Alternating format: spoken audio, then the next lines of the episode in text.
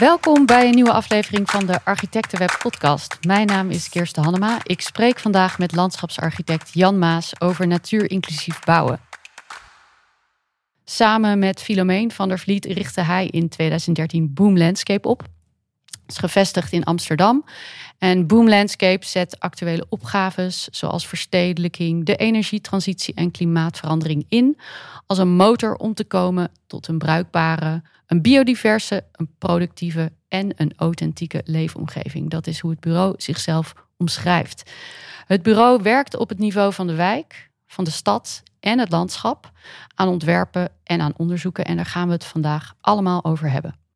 Dit is de tweede aflevering in een nieuwe serie rond duurzaam ontwerpen en bouwen in samenwerking met de branchevereniging Nederlandse Architectenbureaus, de BNA. In de loop van deze aflevering spreekt Michiel van Rij, de hoofdredacteur van Architectenweb, kort met Jolijn Valk, architect en voorzitter van de vereniging, over hoe de BNA duurzaam ontwerpen en bouwen stimuleert. Welkom Jan. Allereerst, er is uh, net zoals bij het woord duurzaamheid soms wel eens wat verwarring of onduidelijkheid over wat natuurinclusief bouwen precies inhoudt. Kun je uitleggen waar we het nou precies over hebben? Ja, volgens mij in, in essentie is het uh, dat je bouwt en dan vervolgens ook ruimte overlaat of uh, includeert voor de natuur. In de breedste zin van het woord. En als je bouwt, dan creëer je natuurlijk ook nieuwe condities. En die condities die hebben ook weer invloed op, uh, op de natuur en ecosystemen. Dus uh, als je daar een notie van hebt, dan ben je eigenlijk al bezig met uh, natuur inclusief bouwen. Wat maakt het zo belangrijk om dat te doen? Want het is een onderwerp dat nu veel genoemd wordt. Waarom? Ja, ik denk dat het belangrijkste is, is dat uh, natuur op zichzelf waardevol is. Dus als je dat kan toevoegen aan de stad of aan je gebouw of aan je leefomgeving, dan uh, levert dat een kwalitatieve, uh, kwalitatiever project op. Een leukere plek om te leven. Dus het, is, het heeft uiteindelijk ook, denk ik, invloed op het leefklimaat en de, het, het, vestigingsklimaat bijvoorbeeld van een, een stad of een wijk. Ja, ik denk dat dat het belangrijkste is. Om het iets concreter te maken, want we hebben het nu over de natuur betrekken in ontwerp, uh, belang van uh, klimaatverandering, biodiversiteit. Dat zijn grote begrippen. Maar als je het wat concreter maakt, wat zijn dan de principes van natuur inclusief bouwen? Ik denk dat veel mensen denken aan bijvoorbeeld nestkasten. Ik zie ook bermen die niet meer gemaaid worden. Dat zijn een aantal simpele dingen. Maar er wordt ook wel gesproken over verschillen in microklimaat, uh, gebouwen die meer doordringbaar zijn voor planten en dieren, uh, beheer van natuur meer loslaten. Werken jullie als bureau met bepaalde typologieën of bepaalde oplossingen? Ja, het is, het is nog heel erg in beweging. Dus wat natuur inclusief bouwen een paar jaar geleden was, uh, is nu weer iets anders. En het wordt steeds meer verdiept en uitgewerkt. Dus dat is denk ik ja, ontzettend interessant ja, de, het, het, toevoegen van nestgelegenheid in een uh, gevel of een dak, dat, uh, is, uh, ja, dat is natuurlijk inmiddels bekend. En dat is in, in, principe een goed voorbeeld van natuur-inclusief bouwen. Maar dat is wel, ja, laten we zeggen, het laatste haarvat van natuurinclusiviteit. Dus er, er zijn ja, veel meer grotere structuren of structuren door het gebouw of in de binnentuin of door de straat of uiteindelijk uh, naar het achterland, uh, die uiteindelijk ervoor zorgen dat die nestkasten gevuld worden.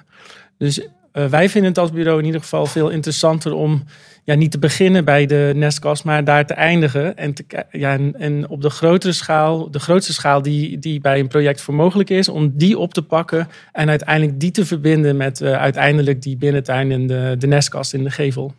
En hebben jullie, als je dat zo vertelt, een, flinke ambitie om het op al die schaalniveaus op een of andere manier aan te kunnen raken of in elk geval voorzet te doen?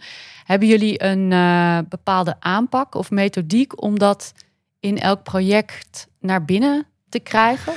Ja, ten eerste denk ik, ja, we, we, we kleuren eigenlijk altijd buiten de lijntjes. Dus we krijgen natuurlijk voor ieder project krijgen we een, een, eh, een projectgebied. En eigenlijk kijken we als eerste uh, daarbuiten? Uh, welke lijnen kunnen we oppakken? Zijn er al bestaande structuren? Hoe zit het met de bodem? Nou, en uiteindelijk uh, belanden we dan dus wel bij een nestkast. Het is afhankelijk van het project, ja, hoe groot je de, de schaal is die je op kan pakken. Dus is het één gebouw aan een straat, dan is, dan is dat anders wanneer het een heel ensemble is van gebouwen en een stedenbouwkundige component heeft. Dan kunnen we alweer een, groot, een grotere lijn oppakken wellicht. En soms ligt gewoon één gebouw aan een grote landschappelijke structuur. Dus zitten we eigenlijk meteen op beide schalen. Dus uh, op een kleine schaal, maar ook op een hele grote landschappelijke schaal. We gaan later nog wat meer uh, in op een aantal projecten waaraan jullie werken. Jullie lopen als bureau op dit gebied uh, voorop. Ik ben ook wel benieuwd naar ja, de persoonlijke kant van dat verhaal. Jij noemt jezelf een stadsmens met een enorme affiniteit voor natuur. Waar komt die enorme affiniteit vandaan? Ja, ik weet het niet zeker, maar ik ben in ieder geval opgegroeid op het platteland. En het zat er eigenlijk altijd al in. Dus, dus uh, ik ben een Zeeuws-Vlaming, opgegroeid in een dorp. En daar uh, als kleine jongen liep ik al uh, door de tuin naast mijn opa. Maar ik, ik, kreeg ook altijd allemaal plekjes in de tuin. Daar vroeg ik zelf naar. had ik in een boekje ergens of een blaadje ergens gezien dat je een paddenflat kon bouwen. En dan had je, dat, ja, had je alleen maar wat dakpannen voor nodig dat deed, dat deed ik dan. Ik vroeg of dat dat mocht en dat mocht eigenlijk altijd. En dan bouwde ik zo'n paddenflat. En ja, het leukste is natuurlijk dat dan een uh, half jaar later of een maand later... dat er ook echt werkelijk een pad in zat. Dus, dus, dus dat is natuurlijk ook ontzettend stimulerend. En in diezelfde tijd gingen we af en toe naar Amsterdam. Uh, we hadden familie hier wonen. En ja, daar was ik ook altijd uh, ja, ik, ik, voelde een soort opwinding als ik hier was. De, de, de levendigheid, de drukte.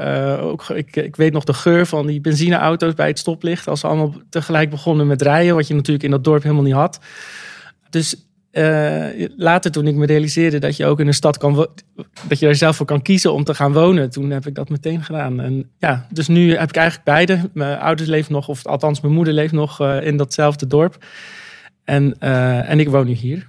En in jouw werk is dus uiteindelijk uh, het naar binnen halen van dat platteland, uh, natuur, de, de paddenburgt. Uh, heb je eigenlijk dus je beroep van gemaakt om te kijken hoe je dat kan vervlechten. Ja, dus ik wist natuurlijk helemaal niet waar dit zou, waar dit zou uh, uitkomen. Maar uh, inderdaad, toen ik erachter kwam, en dat was natuurlijk weer veel later, dat je gewoon ook hier uh, een beroep van kan maken. Dus ik was bezig met het maken van een tekening voor de tuin destijds. Dus ik, had, ik was overgestapt van de paddenflats en de, het graven van allemaal poelen en vijvertjes naar het maken van een ontwerp voor, voor diezelfde tuin. Um, we waren inmiddels verhuisd, dus toen kon ik dat in één keer allemaal doen. En toen kwam ik erachter, ik denk dat ik een jaar of 15 was, uh, dat, ja, dat daar ook een opleiding voor is. Dus, uh, ja, dus daar heb ik me later voor ingeschreven. We gaan weer even terug naar het uh, nu. en naar natuurinclusief bouwen, zoals we dat nu dus noemen. Als je de, de laatste Floriade uh, in 2012 in Venlo nou vergelijkt met de Floriade uh, Growing Green Cities, die nu in Almere plaatsvindt, dan, uh, dan zie je dat het tien jaar geleden nog veel meer ging om het kijken naar bloemen en planten. Terwijl die tentoonstelling nu eigenlijk veel meer is gericht op natuurontwikkeling, biodiversiteit, de inzet van planten op een, op een heel andere manier. Zie jij die verandering ook terug in de praktijk? En is jullie portefeuille uh, veranderd. Uh, uh, ik zag dat jullie onder andere aan een anti-stikstoftuin werken in een woonwijk in Den Haag. En dat lijkt me toch wel iets anders dan bijvoorbeeld het invullen van een, een parkomgeving met bloemen en beplanting. Ja, er, er, is veel in beweging en er is zeker veel veranderd. Dus um, ik ben inmiddels. Ja, de eerste opleiding die ik afrond is denk ik twintig jaar geleden. En destijds, ja, ook die opleiding heeft een botanische achtergrond. Dus uh, opgericht door kwekers in uh, Boskoop en later naar Arnhem gegaan. En ja, daar um, heel veel plantenkennis opgedaan. En dat zijn allemaal gecultiveerde soorten. Um, eigenlijk ja, die ecologisch bijvoorbeeld niet superveel bijdragen aan biodiversiteit. Wel, wel deels, maar niet zo goed als wanneer je bijvoorbeeld nu gewoon wilde soorten gebruikt. dat werd er echt ingestampt. En dat is nu wel anders. Dus nu uh, en ieder, het is veel in beweging. Dus uh, Amsterdam doet het weer anders dan Brussel. Uh, Diemen doet het weer anders. de gemeente Utrecht zet heel erg in op circulariteit. Amsterdam die vindt biodiversiteit weer heel belangrijk. Of natuurinclusief bouwen moet ik zeggen. En dan Brussel weer natuurinclusiviteit. Dus, um, dus, dus er is veel in beweging. Ook in de vraag. Dus daar waar we bij sommige gemeentes eigenlijk de vraag nog niet tegenkomen. En je eigenlijk nog conventionele opdrachten uh, krijgt, uh, zit het er bij de gemeente Amsterdam bijvoorbeeld al helemaal in de tenderfase in. En dan moet gewoon natuur inclusief bouwen uh, onderdeel zijn van de inzending. Oké, okay, dus dat betekent waarschijnlijk ook dat er meer werk is om, hè, wat jij aanvankelijk ook al wilde, werkelijkheid te laten worden. Ja, we hebben de wind in de rug wat dat betreft. Dus het is ook als bijvoorbeeld die stikstoftuin die je noemde in Den, in Den Haag. Uh, dat hebben we zelf geïnitieerd. Dus dat is niet Den Haag die vroeg van... goh, doe iets aan de stikstofproblematiek... Uh, zo dichtbij zo'n uh, hele drukke invalsweg. Want dit was ja, naast een van die bekende tunnels... waar de hoogbouw langs staat in Den Haag. hele drukke, drukke weg. En ehm, ja, we dachten, hoe kunnen we dit nou nog aangenaam maken? En wat, zijn hier, wat is hier nu de problemen? Fijnstof... Uh, en stikstof was dan vooral het probleem van uh, ja, de aanwezigheid van die drukke weg. En toen kwamen we erachter dat er ook beplanting is die fijnstof afvangt en stikstof opneemt. Dus toen dachten we, laten we daar dan mee een beplantingsplan maken. Want dan hebben we eigenlijk twee vliegen in één klap. Er komen steeds meer plannen waarin natuurinclusief uh, bouwen vanzelfsprekend begint te worden. We zien uh, renders uh, of artist impressions met prachtige groene beelden, bijen, vlinders, dieren. Maar wat je tegelijk ook ziet, is dat aan het eind de beplanting of, of een deel daarvan of een, daktuin wordt wegbezuinigd. Um, het lijkt in elk geval lastig als een verdienmodel. Hoe zie jij dat? Uh, komen jullie dit ook tegen in de praktijk? Ja, uh, zeker. Je moet intrinsiek gemotiveerd zijn als, uh, als opdrachtgever om natuur inclusief te bouwen. Dus het helpt dat bijvoorbeeld de gemeente Amsterdam dat opneemt in hun aanbestedingsbrief. Maar um, als je dan een inschrijft met een consortium en de ontwikkelaar die heeft daar eigenlijk niet zoveel interesse in, dan wordt het al kwetsbaar. En als diezelfde ja, ontwikkelaar vervolgens uh, nog voordat het gebouw is opgeleverd het project verkoopt, bijvoorbeeld aan een bouwer, die staat dan nog verder van die ambitie om uh, bijvoorbeeld natuur inclusief te bouwen.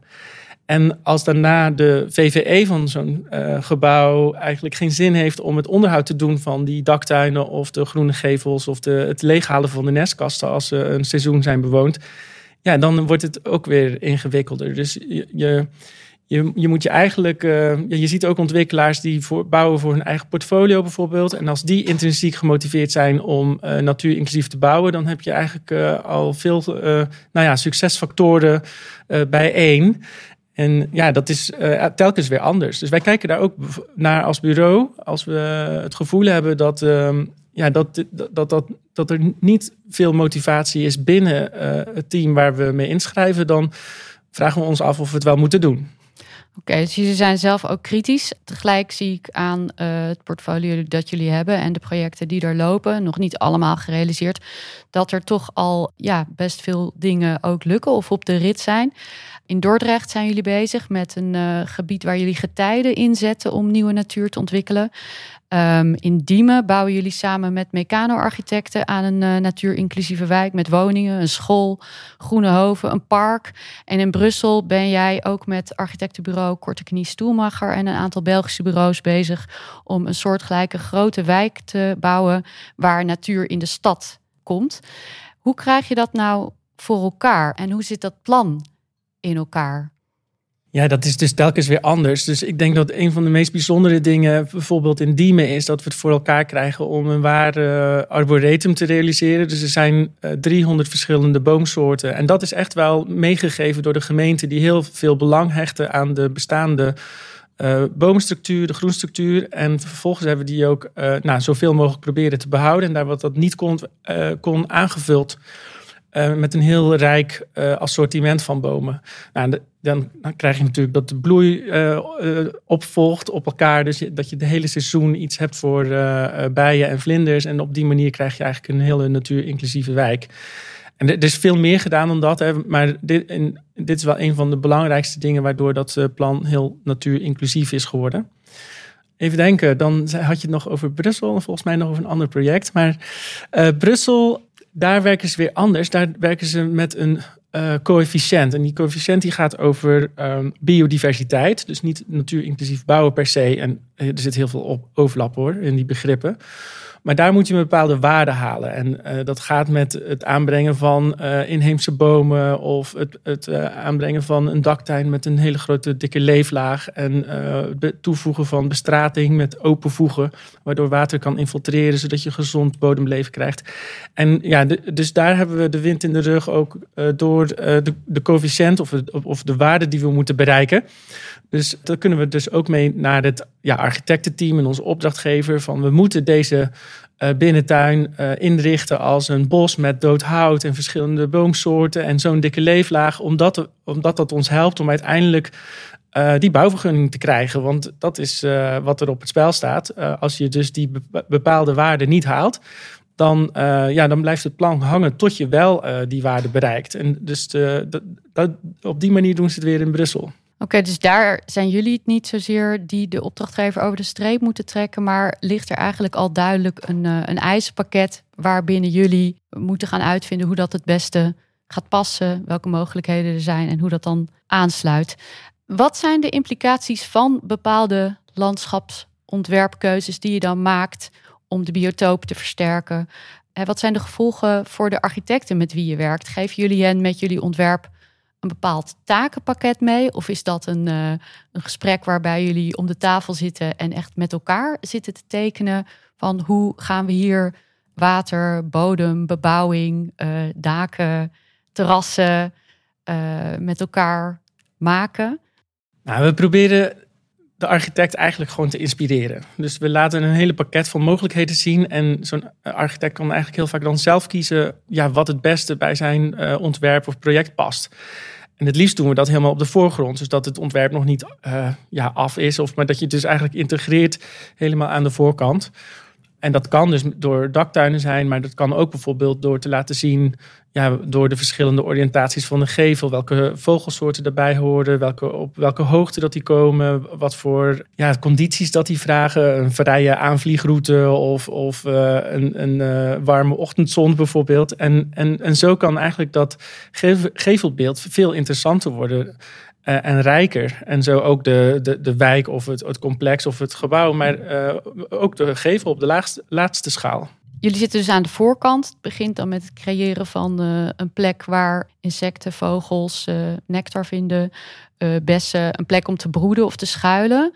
Maar je zei eerder al, het gaat er ook om dat je uiteindelijk die wijk ja, via parken of plantsoenen verbindt met uh, de grotere schaal, met het uh, buitengebied rondom die stad en, uh, en het liefst ook nog verder naar grotere natuurgebieden, zodat er het hele seizoen als bomen zijn uitgebloeid, die insecten en vogels elders voedsel kunnen vinden of, of kunnen schuilen. Jullie werken nadrukkelijk op een grotere schaal ook buiten de stad. Als artist in residence van het Amsterdamse architectuurcentrum Arkham hebben jullie in 2019 het onderzoeksproject De Groene Scheggen geïnitieerd. Dat zijn acht grote aaneengesloten groengebieden die vanuit het buitengebied, zoals het Gooi en de Kennemerduinen, diep de stad insteken. Uh, zoals het, uh, de Brettenscheg, de Diemerscheg, Amsterdamse Bos. Waarom werd deze uh, eh, 157 kilometer lange kreukelzone, zoals jullie het noemen, jullie speerpunt? Um, ja, als landschapsarchitecten kenden wij eigenlijk die scheggen wel. Um, maar we zagen ze alleen maar terug in structuurvisies van de gemeente bijvoorbeeld. Gemeente Amsterdam natuurlijk. En, um, en daar zat er eigenlijk een soort uh, ja, planologische contour omheen. En waar, waar, waar, wat, waaruit blijkt uh, dat ze beschermd moeten worden. En daar zat niet veel ontwikkeling achter, of, of uh, beeld, of uh, ja, een, soort actieve houding daarin. En, en we merkten ja, in onze vriendenkring bijvoorbeeld dat niemand het begrip scheggen kende. Um, dus die scheggen waren ook echt onbekend. Misschien de Amstelscheggen een beetje verder, denk ik niet dat iemand ooit had gehoord van het woord scheggen. Dus daar zijn we mee begonnen. Dus we zijn eerst hebben we uh, een uh, ja, spotlicht gezet op, uh, op de scheggen en die ook zo benoemd. Dus dit zijn de scheggen van Amsterdam. Dat is niet ons bedenksel, die bestonden al. Eigenlijk heeft Van Eesteren in het AUP, het Algemeen Uitbreidingsplan van Amsterdam, ze geïntroduceerd. En, uh, en daar zijn ze mee gewaarborgd. En wij hebben een, een, een spotlicht op uh, willen zetten, zodat ze uh, niet alleen beschermd worden, maar ook in ontwikkeling gaan. Want er zijn eigenlijk heel veel problemen spelen die rond, rond die landschappen. En ja, je kan die problemen aanpakken of benoemen op het moment dat je de contouren hebt van die plekken en ze ook een naam kan geven. En kan je kort vertellen hoe jullie dat onderzoek hebben aangepakt? Hebben jullie een voorstel gemaakt van dit kunnen we doen om natuurinclusiviteit verder te brengen? Of was het verder meer verkennend nog? En wat is er geland uiteindelijk van dat onderzoek? Ja, de, om met het einde te beginnen. Uh, het, is, het is geland of uh, geëindigd met een uh, tentoonstelling in Arkham. Waarbij vier verschillende ontwerpbureaus ja, een soort conceptuele verbeeldingen lieten zien van de mogelijkheden van zo'n scheg. Of de problematiek heel mooi zichtbaar maakten op een inspirerende manier. Uh, en zo kreeg je eigenlijk een beeld van uh, iedere scheg. Dus uh, ieder ontwerpbureau had dan twee scheggen, nam die dan voor rekening. Nou, dat was een tentoonstelling. Er is een manifest geschreven, er is een parlement voor de scheggen opgericht. Er is, zijn artikels verschenen in brede media, als grote kranten, als Parool, Volkskrant. En daarmee hebben we echt die scheggen wel op de kaart gekregen. Dus er ontstond gewoon, ja, zeker in het vakgebied, uh, begrip voor de, die, die scheggen. Dus dat was denk ik misschien wel een van de belangrijkste dingen. En, um, ja, en als je dan die ontwerpbureaus aan de slag zet, uh, dan zij duiken natuurlijk meteen in de problematiek van iedere scheg. Die is elke keer weer anders. Dat is anders voor waterland dan uh, ja, de, scheg, die, uh, de scheg van West, waar bijvoorbeeld Schiphol in ligt, met een hele diepe polder die aan het verzilten is. Uh, en uh, bijvoorbeeld uh, waterlandscheg, die, die, die stoot weer heel veel CO2 uit door de oxidatie van het veen. Nou, die ont ontwerpbureaus die hebben dat heel erg mooi inzichtelijk gebracht, gemaakt. En vervolgens ook laten zien een doorkijk naar mogelijke oplossingen. Ja, en dat is wel zover als we konden komen als architects in residence. En ja, dat was al, al heel wat eigenlijk. Ja, dus eigenlijk zoals natuur inclusief als woord in elk geval het probleem nu onder de aandacht brengt hebben jullie ook met de groene scheggen uh, in elk geval een woorden gegeven aan wat er speelt. En oplossingen, ja, die heb je niet 1, 2, 3 gevonden. Maar hiermee is er wel een voorzet gedaan naar denkrichtingen. En zijn dus vooral uh, problemen die eerder niet op het netvlies waren, nu wel in kaart gebracht. De realisatie dat, hè, dat er problemen zijn, zoals die verzilting van de grond die je noemt, dat was voor jou ook misschien wel een verrassing dat het uh, uh, zo slecht ervoor stond. Ja, als je kijkt naar die landschappen, dan uh, moet er dus meer gebeuren dan nestkasten, dan wijken. Dan moet er planologisch ook iets gebeuren. Dat is eigenlijk wat, wat je dan ziet. We gaan daarover straks verder spreken. we gaan er nu kort tussenuit voor een gesprek met Jolijn Valk, architect en voorzitter van de BNA, over hoe de branchevereniging duurzaam ontwerpen en bouwen stimuleert. Jolijn, een van de missies van de BNA is het realiseren van duurzame architectuur en bouw. Uh, de gebouwen die we maken en transformeren moeten zo energiepositief, circulair, natuurinclusief, klimaatadaptief en gezond als mogelijk zijn. En het liefst ook nog gebouwd worden in hout of biobased zijn. Op ja, verschillende van die vlakken worden wel stappen genomen. Uh, we hebben nu Beng, het bouwen van hout staat breed op de agenda. Uh, maar de opschaling blijft wel ja, toch lastig. Hoe kijk jij daar tegenaan en ja, wat, wat gaat er eigenlijk goed en wat gaat er niet goed? Nou, wat volgens mij heel erg goed gaat, is de, de trend van, de, van, van de houtbouw. En ja, trend moet ik het niet noemen, het is iets wat veel meer is dan dat. Maar eh, de interesse en de bewustwording en de kansen van houtbouw, uh, dat gaat eigenlijk heel erg goed. Dus de, de neg het negatieve imago, dat neemt af. Uh, tegengeluid hoor je eigenlijk ook steeds minder en de voordelen worden enorm uiteengezet. En dat gaat snel. Wat minder goed gaat is eigenlijk, dat hoor ik heel veel van verschillende architectenbureaus, maak het natuurlijk zelf ook mee, is dat de vraag toch ook nog vaak gesteld wordt van dat het wordt afgezet tegen het traditionele. Dus op deze manier uh, te bouwen, dus om duurzaam, circulair, biobased te bouwen, dat, dat vraagt om een andere aanpak. Dus het afzetten tegen het traditionele, ja, daar kom je eigenlijk geen stap verder mee en lijkt toch nog steeds zoals met alles, uh, geld de, de, de grootste waarde. En daar zit tegelijkertijd ook meteen weer een, uh, een bottleneck gaat ook minder goed, is dat, uh, de, ja, dat de kosten van duurzaam bouwen vaak toch nog wat hoger uitpakken. En dat de certificering van materialen achterloopt, waardoor bijvoorbeeld we omgevingsvergunningen niet kunnen indienen. Ja, het, het, is nog te traag. De regelgeving, de normering is traag, materiaalbevoorrading ook. Dus ja, dit vraagt om een andere aanpak. Dus CO2 belasten bijvoorbeeld en mankrachten minder belasten, dan zou het al een stuk sneller allemaal gaan. Dat maakt het complex en wat lastiger. Maar de bouw is van oorsprong traditioneel en, en traag. Nou ja, wat, wat misschien momenteel gaat helpen is inderdaad dat materialen wel in, in een heel aantal gevallen echt duurder worden. Waardoor je wellicht inderdaad het hergebruik dan toch ook weer in de business case iets, iets aantrekkelijker wordt. Hè? Ja, al wordt er dan nog steeds uitgegaan, ook van in de berekeningen, uh, dat hout na 70 jaar, als het na sloop wordt uh, weggehaald, verbrand wordt. Dan, nou, dat is natuurlijk niet zo. Tegelijkertijd is het ook heel complex om dat zo te stellen, dat dat niet zo is. Want dat weet je niet, wat er over 100 jaar mee gebeurt. Dus de bewijsvoering, de, de certificering, de berekening, het is allemaal vrij uh, ja, ja. complex en, ja. en nieuw. Ja, exact. Nee, en waar je dan ook op uitkomt, is eigenlijk dat uh, architecten natuurlijk heel veel kunnen willen in hun ambitie, ook opdrachtgevers heel veel kunnen willen. Maar uh, uiteindelijk alle sectoren rond, uh, rond die ontwerpers moeten mee. Hè? De bouwers, de leveranciers um, en de ontwikkelaars, wat ja, gemeentes. Wat, wat kunnen jullie vanuit de BNA doen om al, al die sectoren, al die groepen te, ja, te prikkelen op dit vlak? ja, dat is heel veel praten met elkaar en tonen hoe mooi en prachtig het allemaal kan zijn en hoe waardevol. En wat heel interessant is, dat we dus nu met elkaar praten, ook het, het Lenteakkoord 2.0 van start is gegaan. Dat is een, een akkoord dat zich richt op circulair bouwen. Bouwen Nederland, EDES, NEPROM, Woningbouwers NL, de IVBN. En het heeft een nauwe betrokkenheid met het ministerie van Binnenlandse Zaken. En de BNA is als kennispartner daarbij betrokken in het eh, startcongres over de rol van ontwerpers hierin. En uh, daarin zijn we echt met elkaar, want het kan niet zonder elkaar, bezig om dat te onderzoeken en te ontwikkelen.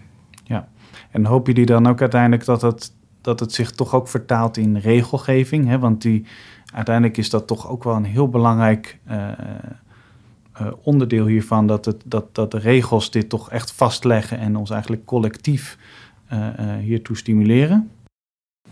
Ja, want regelgeving is wel degelijk iets wat, het, wat de vooruitgang tegenhoudt. En um, ja, de, bijvoorbeeld de nieuwe biobased producten, die zijn nog niet gecertificeerd. En als iets niet gecertificeerd is, kun je bijvoorbeeld geen omgevingsvergunning krijgen of het niet goed verzekerd krijgen. Het is heel erg moeilijk om met nieuwe producten te gaan werken. Dus dat kan allemaal enorm versneld worden. En ook berekeningen. Dus als je heel erg uitgaat van dat bij de sloop hout nog wordt verbrand, terwijl het eigenlijk een CO2-opslag heeft en hout helemaal niet verbrand hoeft te worden, maar weer hergebruikt kan worden. Als je kijkt naar de BENG-normering, wat eigenlijk al gedateerd is, want we moeten natuurlijk naar ENG, we weten allemaal dat het, dat het veel beter kan uh, is het toch ook vaak een, eh, een, een, draaien aan de knoppen totdat het juiste getal eruit komt. Het computer says no of computer says yes principe. En het, het, het gaat over veel meer. Het gaat ook over het blijven logisch nadenken. Dat het ook allemaal nog klopt. Dus het is een hele integrale, hele complexe situatie. Um, en sommige punten zijn gewoon tegenstrijdig. Dus als je met ene knopje naar die kant draait van de milieuprestatienorm en de energieprestatienorm weer de andere kant op, ja, dat, dat werkt gewoon niet altijd even, even goed. Nee, exact. En wat kunnen jullie, uh, uh, zo'n lenteakkoord 2.0 is natuurlijk uh, heel belangrijk, maar hebben jullie ook directere lijnen met de ministeries om, om dit te beïnvloeden? Uh, ja, we hebben bijvoorbeeld een uh, uh, specifieke biobased deelname aan de klankbordgroep van het ministerie van Binnenlandse Zaken, Koningsrelaties. En bij het onderzoek naar milieueffecten van biobased materialen door een zetel in de beleidscommissie Milieuprestatie Nederland. En we werken ook veel samen op dit gebied. bijvoorbeeld met de CB23, dat is een bouwbreed ja, partijen die met circulaire ambities ja, die met elkaar verbinden, circulaire ambities. En het uh, transitieteam, uh, dus waar we het net over hadden, uh, van het Lenteakkoord 2.0 over de circulaire bouw. Ja, dus eigenlijk op, op talloze vlakken. Want dat is inderdaad, als je dan ook jouw opsomming hoort, dan ja, dat zijn toch eigenlijk onnodige drempels hè, om, om, om tot een duurzamere wereld te komen. Ja, ja het, het, moet echt wel eenvoudiger. Want ze, ze, zijn zo complex dat het, uh, ja, wat ik net zei over de knoppen die tegen elkaar ingedraaid worden. En uiteindelijk rolt er een, een, een, een goed getal uit. Um, maar als je er gewoon logisch over nadenkt, uh, geen goed gebouw. Nee. Een potentieel nadeel van echt scherpe regelgeving kan zijn dat gebouwen op lastige binnenstedelijke locaties ja, wellicht niet aan alles, alle eisen kunnen voldoen. Um, en dat roept bij mij in ieder geval de vraag op van ja, als, we naar verder in de toekomst kijken, van moeten we dan van elk gebouw op elke plek eisen dat ze, dat ze die maximale prestatie leveren? Of kunnen we dat misschien uitwisselen?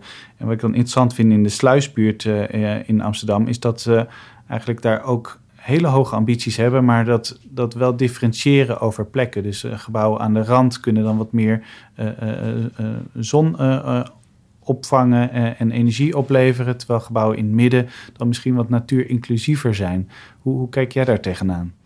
Ja, dat is volgens mij uh, uh, onvermijdelijk en essentieel. En ik vind dat inderdaad een heel goed voorbeeld wat je noemt. Want het, ja, het moet net als met alles. dus dat je het samen doet. En dat je het ook, ook een stad, dat dat ook ja, van de context afhankelijk is. En het is uh, bizar uh, om te bedenken dat je je plekje inneemt en denkt, uh, nou, de rest zoekt het maar uit. Dus het, als je het samenwerkt, dus ook op de stedenbouw, wijkniveau, buurtniveau, dan gaat dat veel beter. En ik denk dat het heel erg belangrijk is om die verbinding zichtbaar te maken. Dus als je kijkt bijvoorbeeld naar een stad, de stad is enorm afhankelijk van het, het landschap wat erachter ligt, maar dat hebben we eigenlijk helemaal niet door als we in de stad leven. Maar als je dat op wijkniveau, op wat kleinere schaal aanpakt, dan kun je dat dus duidelijk maken. Dat de locatie, de context afhankelijk is van waar het is. En dat je daarmee, om maar eventjes heel simpel te zeggen, je buren kan helpen. Ja, ja precies. Ja, dat is ook wel weer een ontwerpopgave van hoe, hoe maak je dat dan zichtbaar? Uh, maar ja, bijvoorbeeld door het, uh, het, het, gebouw wat in de zon staat, dat is de, de, ja. de energieopwekker. En het gebouw wat meer in de luwte staat, dat is uh, het groene uh, insecten- of vogelhotel. Dus het is, het is, het is heel erg uh, daarnaar kijken en dat ze zichtbaar te maken. Ja, ja, zeker. Nee, dan staat ook een nieuwe, nieuwe architectonische taal bijna. Hè? Van, uh, ja, waarin, waarin gebouwen reageren op de, op de kansen die, die eigenlijk locaties bieden. Ja, ja, ja. ja. Uh, dankjewel Jolijn. Uh, meer informatie over hoe de BNA zich inzet voor duurzaam ontwerpen en bouwen is te vinden op de website van de BNA. We zijn weer terug bij ons gesprek met landschapsarchitect Jan Maas van Boom Landscapes over natuurinclusief ontwerpen. We spraken al over de landschappen die jullie rond gebouwen in de stad maken en het onderzoek naar de stadsranden van Amsterdam. Uh, en toen ik jouw collega Filomeen sprak, zei zij: Ik vind het een wassen neus dat je met gebouwen de wereld gaat redden. Wij zijn niet de greenwashers van de architectuur. Om tot een natuurinclusieve manier van leven en bouwen te komen, moet er ook op het platteland iets structureel veranderen. Jullie kijken dus ook naar de landschappen buiten de stad en jullie doen voor de provincie Zuid-Holland onderzoek naar biobased gewassen. En dat gaat over de transformatie van de landbouwsector. Jullie ontdekten onder andere dat boeren vroeger eigenlijk heel natuurinclusief bezig waren. Uh, kan je ons over dat onderzoek vertellen? Uh, ja, het is een heel, uh, ja, het is een heel groot onderzoek. We doen dat voor de vier, uh, ja, drie provincies en, en voor het atelier Rijksbouwmeester.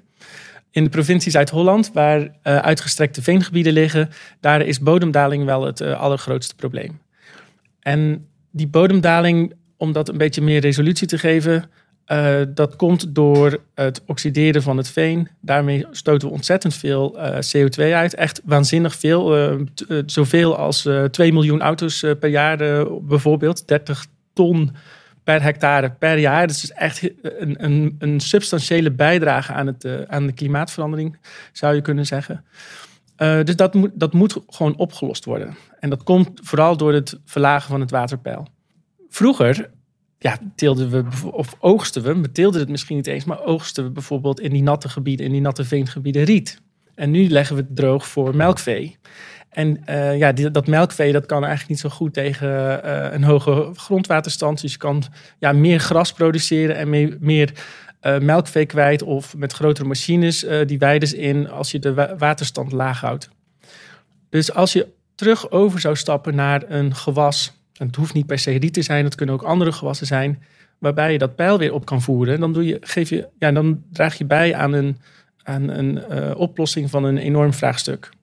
En dat is eigenlijk wat we in al die provincies in, op verschillende landschapstypen. Dus dit was een voorbeeld van, uh, van op het Veen. Maar dat hebben we ook gedaan voor het rivierengebied, voor uh, de Noordoostpolder, voor de provincie Flevoland. En telkens kijken we dan, ja, heel simpel, wat, zoals we dat vroeger ook deden.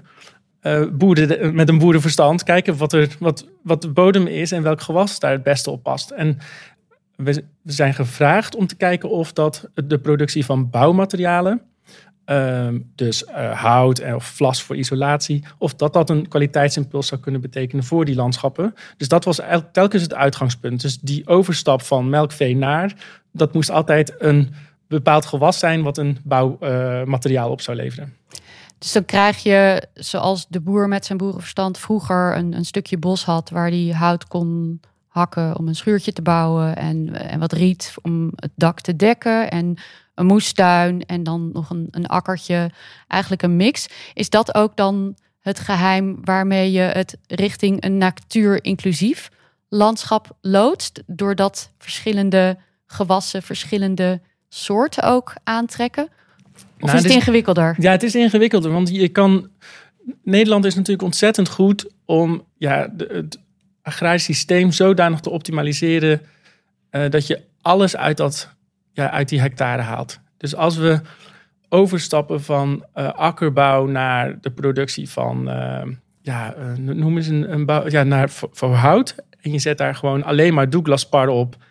en dus een ander, als je dus het ene monocultuur vervangt voor de andere, dan zijn we eigenlijk niks opgeschoten. Dus om ook die landbouw natuur inclusief te krijgen, moet je dus ruimte geven aan die natuur. Dus je verliest efficiëntie. En dat is een maatschappelijk, maatschappelijk probleem. Want dan kan je niet alleen die boer meer opzadelen. Die verliest op zijn business case. En dat moeten we met z'n allen accepteren. Dus als wij niet willen dat uh, ja, ons, ons landschap helemaal wordt uh, uitgemijnd en uh, opgesoupeerd... dan moeten we naar een minder efficiënte landbouw. welk gewas ook. Een boer kan natuurlijk nog steeds ook voedsel produceren. Dat was niet het uitgangspunt van dit onderzoek. Maar dat kan natuurlijk. Maar als je die inclusief wil maken, natuur inclusief, dan, dan verlies je wat ruimte. Dus dat is uiteindelijk het voorstel wat jullie hebben neergelegd. Een mix waarbij je inlevert op efficiëntie, maar enorm wint aan diversiteit. Ja. En ook misschien wel in de aanblik van het landschap. Ja, zeker. Dus het levert een veel diverser landschap op. Dus het is natuurlijk veel interessanter om uh, door een heel divers landschap te bewegen dan door een ja, uh, monocultuur die kilometers lang hetzelfde gewas is en uitgestrekt is. Waarbij je ja, de eerste half uur van je fietstocht hetzelfde ziet als een half uur later. Dus, dus dat is ook een kwaliteitsimpuls. Maar bijvoorbeeld uh, de overstap van uh, het ene naar het andere gewas, waardoor je bijvoorbeeld verzilting en versλemping tegenkom, uh, tegengaat. Um, dat je minder hoeft te pompen, minder CO2 wordt uitgestoot. als je, ja, dat, is een kwaliteitsimpuls natuurlijk op zichzelf. en, en, en dan als je ook nog een keer de natuur eraan kan toevoegen, dus biodiversiteit kan verhogen, dan zijn we pas echt goed bezig.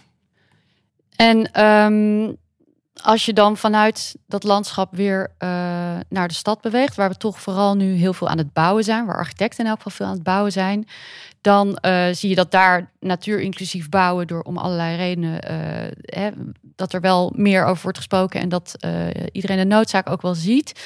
Um, tegelijk vraag je je soms af, tegelijk verdichten en vergroenen, kan dat wel? Is het haalbaar? Ja, ik denk het wel. Uh, het, het, uh, er zijn natuurlijk voorwaarden. Dus uh, bouwen in hoge dichtheid is heel vaak een goed idee. Want als je in een lage dichtheid bouwt, dan gaat het weer ten koste van landschappen elders. Die, dus dus het, die, bouw, die bouwopgave, of je moet iets aan de bouwopgave doen. Dan zeg je, nou, we gaan niet 1 miljoen huis bouwen, erbij bouwen. Ehm, maar minder. Maar stel je voor dat de, de opgave hetzelfde is, dan is in een hoge dichtheid bouwen gewoon een beter idee. En als je die in die hoge dichtheid uh, notie hebt van uh, het includeren van natuur. Dus uh, bewust bent van de condities die je creëert. En die condities koppelen aan, aan soorten die daar, ja, die, die daar zich senang bij voelen. Dan, dan, dan moet dat kunnen. Ja, dan kan het gewoon.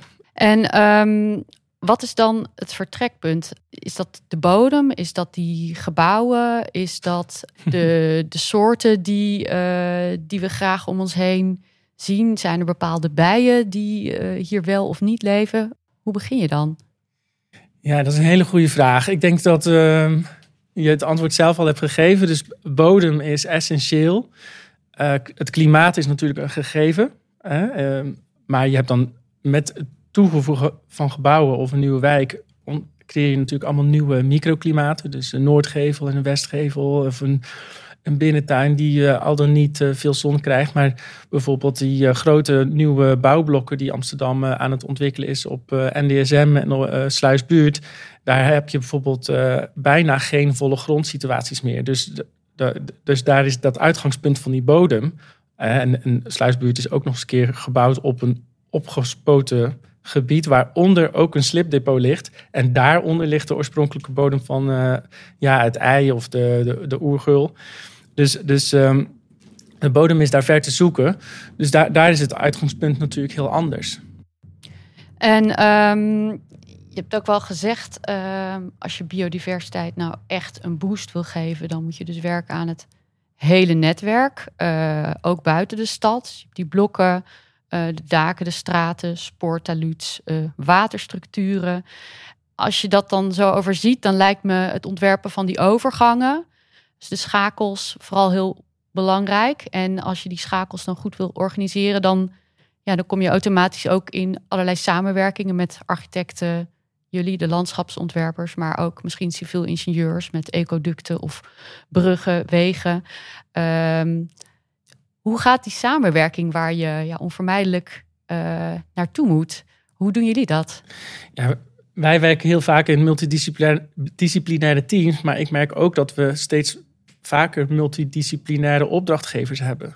Dus je, krijgt de, je zit met een gemeente aan tafel en met het waterschap en met een provincie en uh, met uiteindelijk een woningbouwcoöperatie bijvoorbeeld. Uh, dus, dus die zitten allemaal, uh, hebben die ook invloed op, op zo'n project. Um, de, de, gemeente die schuift een ecoloog naar voren, of een planoloog, of een socioloog. Of, en, en dan heb je iemand van het waternet die, die kijkt naar, de, naar het beheren van de oever. Dus ja, op die manier kom je natuurlijk, maak je veel grotere stappen en wordt het integraler. En kan je dus ook inderdaad kleine projecten koppelen aan grote landschappelijke structuren. En jullie werken vast met een uh, ecoloog of hebben jullie vaste partners daarin uh, om kennis, specifieke kennis van planten of diersoorten binnen te halen? Nou, wij, wij zijn zelf generalisten, dus we weten van alles een beetje. Maar uh, en ik hebben wel echt veel interesse hierin. Dus ik denk dat we ja, toch uh, een heel eind komen. Maar op het moment dat we met een ecoloog bijvoorbeeld samenwerken en die hele specifieke condities die een bepaalde uh, plant of vooral ja, fauna nodig heeft, ja, daarmee krijgt zo'n project ook echt een enorme boost. Daar wordt het nog beter van. Het lukt niet altijd om, om die toe te voegen aan een team. Dus, maar, en dan komen we dus zelf nogmaals een heel eind. Maar het wordt wel altijd beter als we echt met specialisten samenwerken. Ja, ik ben ook wel benieuwd naar jouw visie op de rol van, van architecten. Er zijn steeds meer bureaus die gebouwen en gebieden willen ontwikkelen waarmee de omgeving kan versterken, maar die nog een beetje zoekend zijn van hoe dan. wat kunnen bureaus anders of beter doen en welke extra waarde denk jij dat architecten kunnen toevoegen als het gaat om natuurinclusief bouwen? Ja, dat is een moeilijke vraag. Wij beginnen dan toch altijd met een uh, met een project of we kijken dan meteen naar condities. Dus het is in, in algemene zin vind ik dit echt lastig om te beantwoorden. Um, je hebt natuurlijk, we hebben dat al besproken over die gevels. Ik denk dat um, het, ja, het, het, koppelen van je project aan grotere structuren inderdaad alle, enorm behulpzaam is.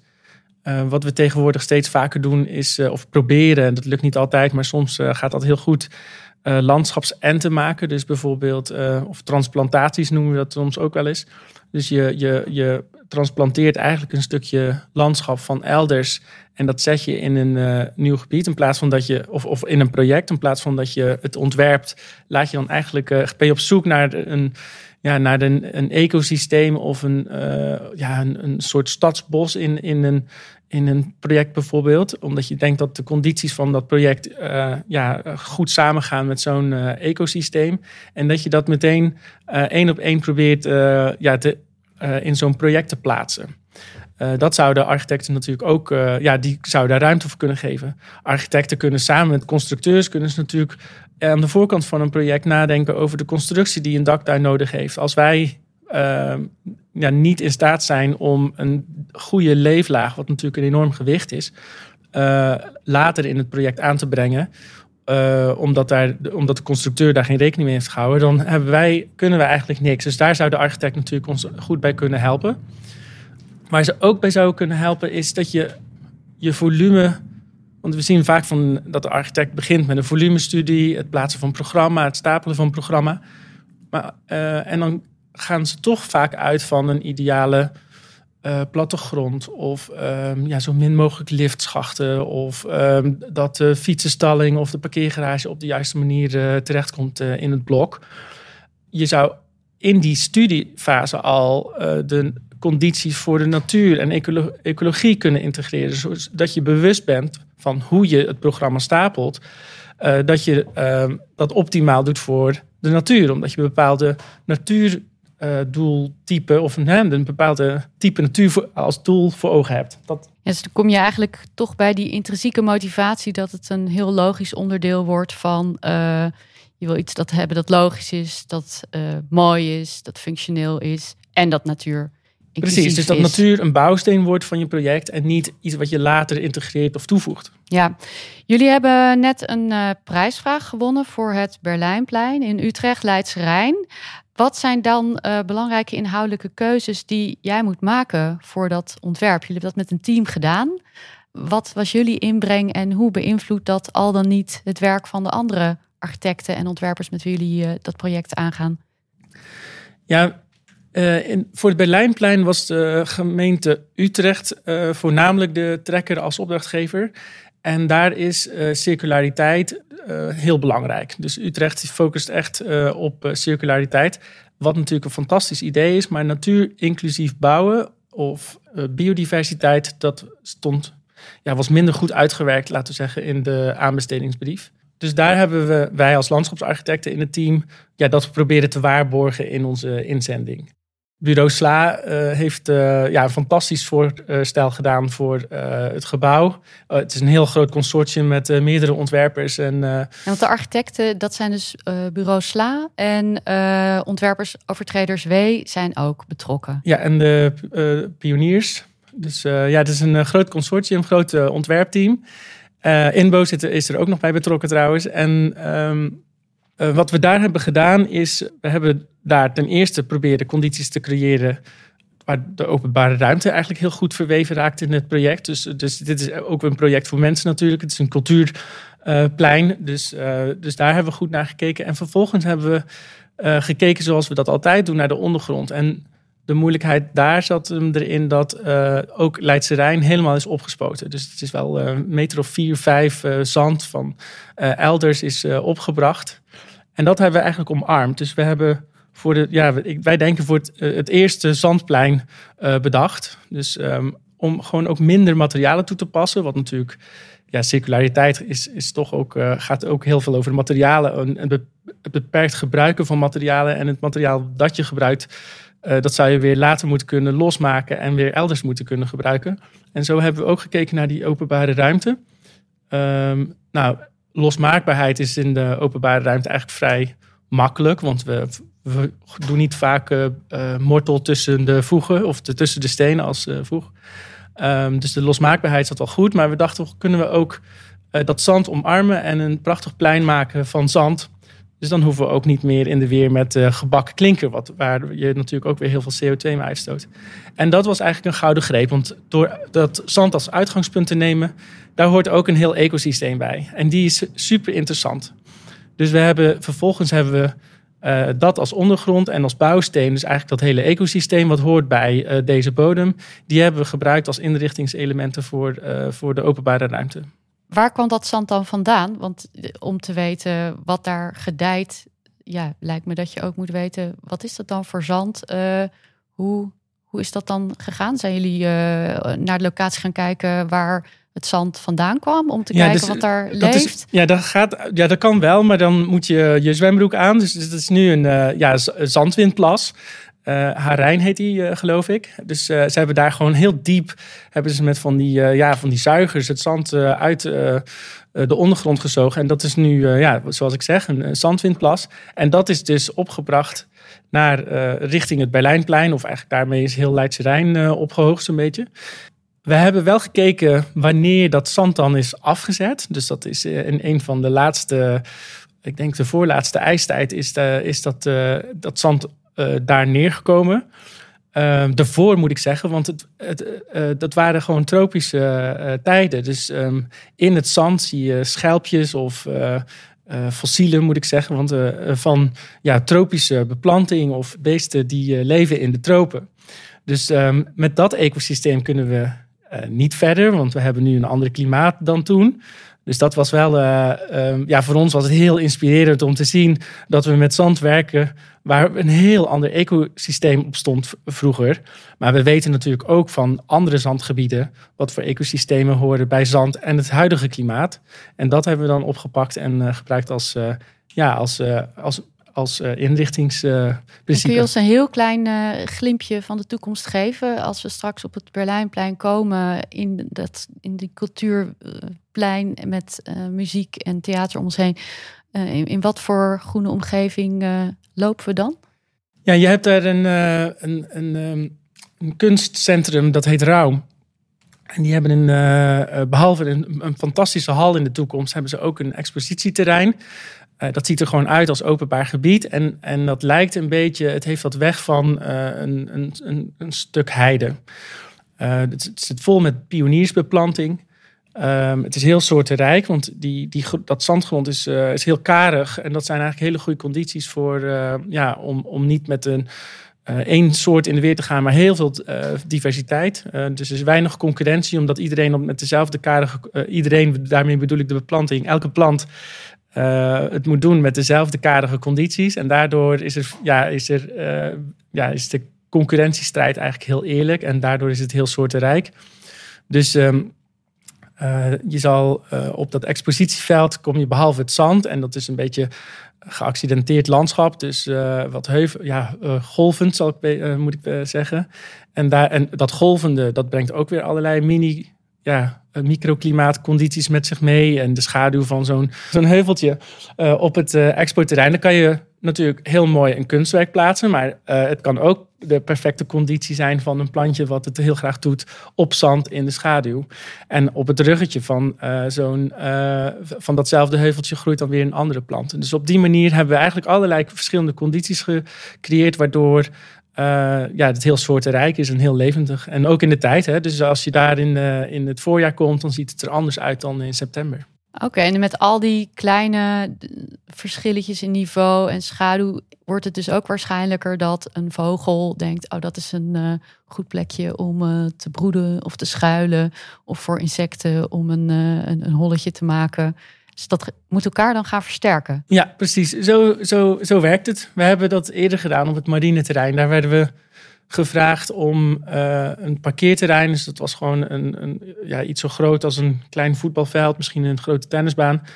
Uh, alleen maar bestraat met uh, betonstraatsteen. En dat, ja, dat is een tijdelijk project. Dus we moesten voor vijf jaar moesten we dan ehm, een tuin maken. En hebben we de slijptol erin gezet, vakken uit, uh, uitgeslepen en de betonstraatsteen eruit gehaald. En in plaats van dat we dan weer grond van elders halen, een soort tuinaarde, hebben we gewoon de beplanting aangebracht uh, in het straatzand waar die, waar die betonstraatstenen ligt. Heel soortenrijk plan. Ook uh, bijvoorbeeld de kaardebol erbij gezet. En een seizoen later is, de, is het puttetje gesignaleerd. Dus daar waar dat eerst gewoon een woestijn was van beton uh, vliegen nu de uh, puttetjes, uh, die, ik, die ik ook niet eens ken van mijn eigen jeugd. Dus ik ben echt verheugd dat hij zijn plek heeft gevonden. En dat komt dus door zo'n kaardebol. Dus die heeft, dat is een soort distelachtige plant. Die heeft een hele grote bloemknop, waar helemaal vol met zaden. En ja, als die zaden erin zitten, dan pikt dat puttetje dus die zaden uit die kop van die bloem. Dus uh, zo werkt dat. Je vertelt alsof het jou net ook heeft uh, verrast. Is dat uh, de zaag erin? Is dat een tactiek die architecten misschien ook in een gevel gewoon het stapelen het allemaal wat minder strak en minimalistisch en, en later een rafel of een, of een lekkere dikke voeg in open? Zou dat ja. een tactiek kunnen zijn? Eh, de, de, natuur is gewoon gebaat bij uh, veel verschillende condities. En uh, kieren en gaten en rommeligheid is eigenlijk ook al op zichzelf al een heel, heel goed idee. Want rommeligheid betekent eigenlijk op zichzelf al verschillende condities.